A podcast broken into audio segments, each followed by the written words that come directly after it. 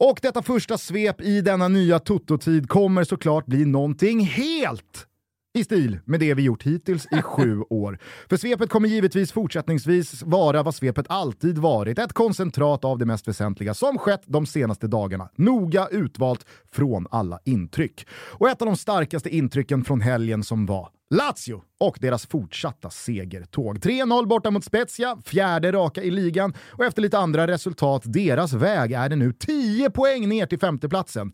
10! Etta nolla. Matematiker! Man blir nästan lite sugen på att själv börja sugtugga på ett naggat ciggfilter John Silver Sarri-style. Men bara nästan.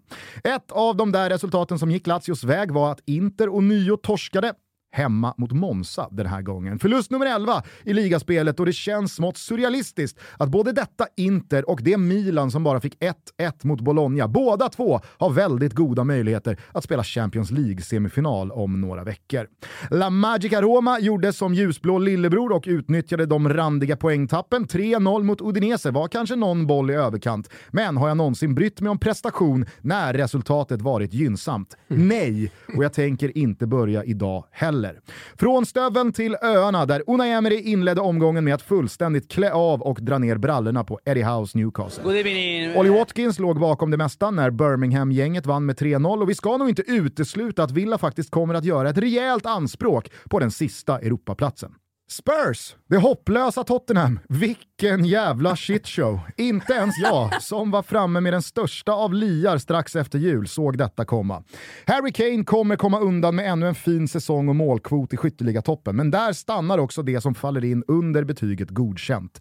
Torsken mot Bompan i lördags, i detta läge, efter snack om att det nu bara återstår finaler, säger allt. Brighton studsade tillbaka efter rånet mot just Spurs förra helgen. Tillbaka i London hamnade man förvisso i underläge mot Frank Lampards maskin Chelsea, men när Roberto De Serbis gäng väl växlade upp så vändes den där steken på enkelt. Tredje raka torsken för eh, Frankie Boy, tredje raka segern för Roy Hodgson och hans palats som nog, jag säger nog, sköt ner Soton i the Championship. Deras sällskap? Ja, Everton ser riktigt bleka ut. Leicester förblöder och Nottingham ser ut att ha det helt snustort i tanken. Jag räknar också in Leeds här. Visst, möjligheterna till poäng hemma mot Liverpool ikväll finns väl där, men det är föga troligt sett till hur det såg ut senast mot Crystal. Palace.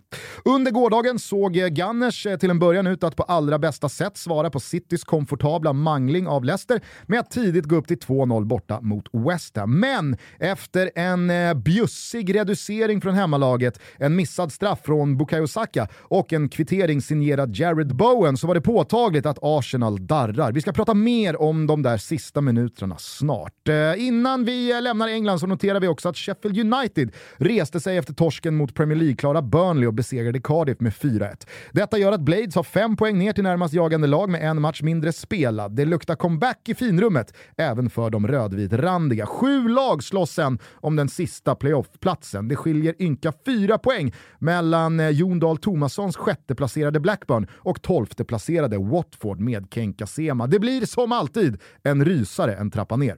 Till Spanien lite kort, för där är det måndag hela veckan. Barca håller nollan, är uddlösa framåt och tuffar utcheckade på mot ligatiteln i ensamt majestät. Real Madrid har fullt Champions League-fokus och lokalrival Atleti vinner knappt men bergsäkert. Sjätte raka för Cholos gubbar igår. Atleti Klubb tog sista chansen att blanda sig i Europastriden genom derbyseger mot Real Sociedad, men den allra största vinnaren blev Real Betis, som efter seger mot Espanyol dessutom kunde glädja sig åt att Villarreal torskade hemma mot Valladolid. Goda råd börjar nu bli riktigt dyra för taxichaffisarnas blåvitrandiga Barcelona Barcelona-lag. Man eh, placerar sig på 19 plats i tabellen och får väl försöka finna någon slags tröst i att man är långt ifrån ensamma om att som etablerat lag slita hund. Valencia föll blytungt igår kväll hemma på Mestalla mot ett Europa League-dubblerande Sevilla med ett par avstängda keyspelare. Det finns nog de som sover bättre än Ruben Baraja just nu. Från Tyskland så noterar vi att Thomas Tuchel fortsätter ånga på som ny... man blir full i skratt. Ja. Från Tyskland så noterar vi att Thomas Tuchel fortsätter att ånga på som ny på bayern jobbet Sadio Mané fick sitta på botbänken och titta på när man bara fick 1-1 hemma mot Hoffenheim. Och det enda positiva att ta med sig för de mesta mästarna är att även Borussia Dortmund bara fick en poäng mot Stuttgart de med. Mm.